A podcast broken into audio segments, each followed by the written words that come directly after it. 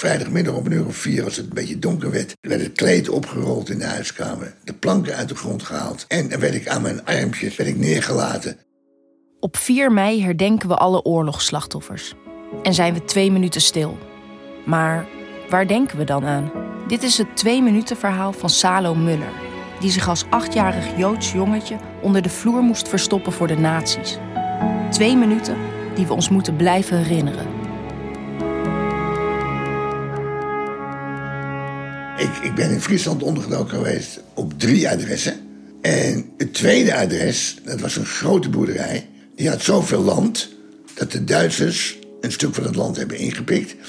En daar hebben ze een kamp opgericht, het kamp Trimont. En ja, die Duitsers die kwamen elk zaterdag met een jeep naar de boerderij toe.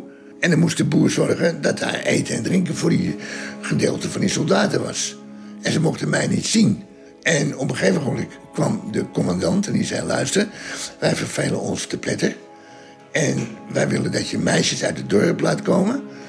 En waar wij ons in het weekend mee kunnen amuseren. En toen moest ik dus me verstoppen onder de grond. En vrijdagmiddag om een uur of vier, als het een beetje donker werd, werd het, werd kleed opgerold in de huiskamer. De planken uit de grond gehaald.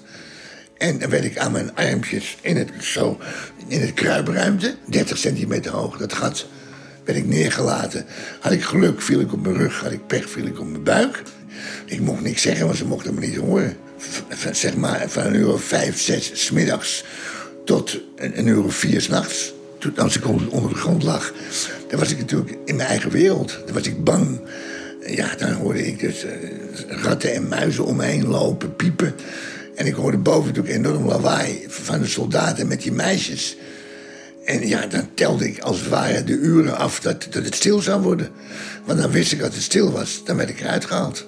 Maar ik denk dat ik natuurlijk op een gegeven moment wel zo moe was. Uh, heel zacht huilen en zo. Dat ik in slaap was gevallen. Want op een gegeven moment zag ik het licht in mijn ogen van een lantaarntje.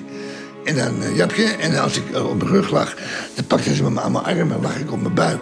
Dan pakten ze me bij mijn, bij mijn benen. Had ik pijn en had ik het koud en een beetje huilerig. En ja, ik moest flink zijn, dus. Uh...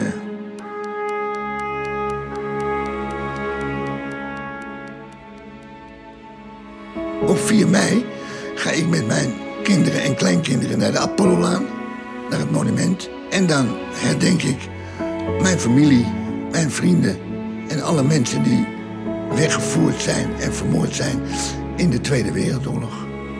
Houd de verhalen uit de oorlog levend. Deel dit twee minuten verhaal, zodat we niet vergeten hoe kwetsbaar vrijheid is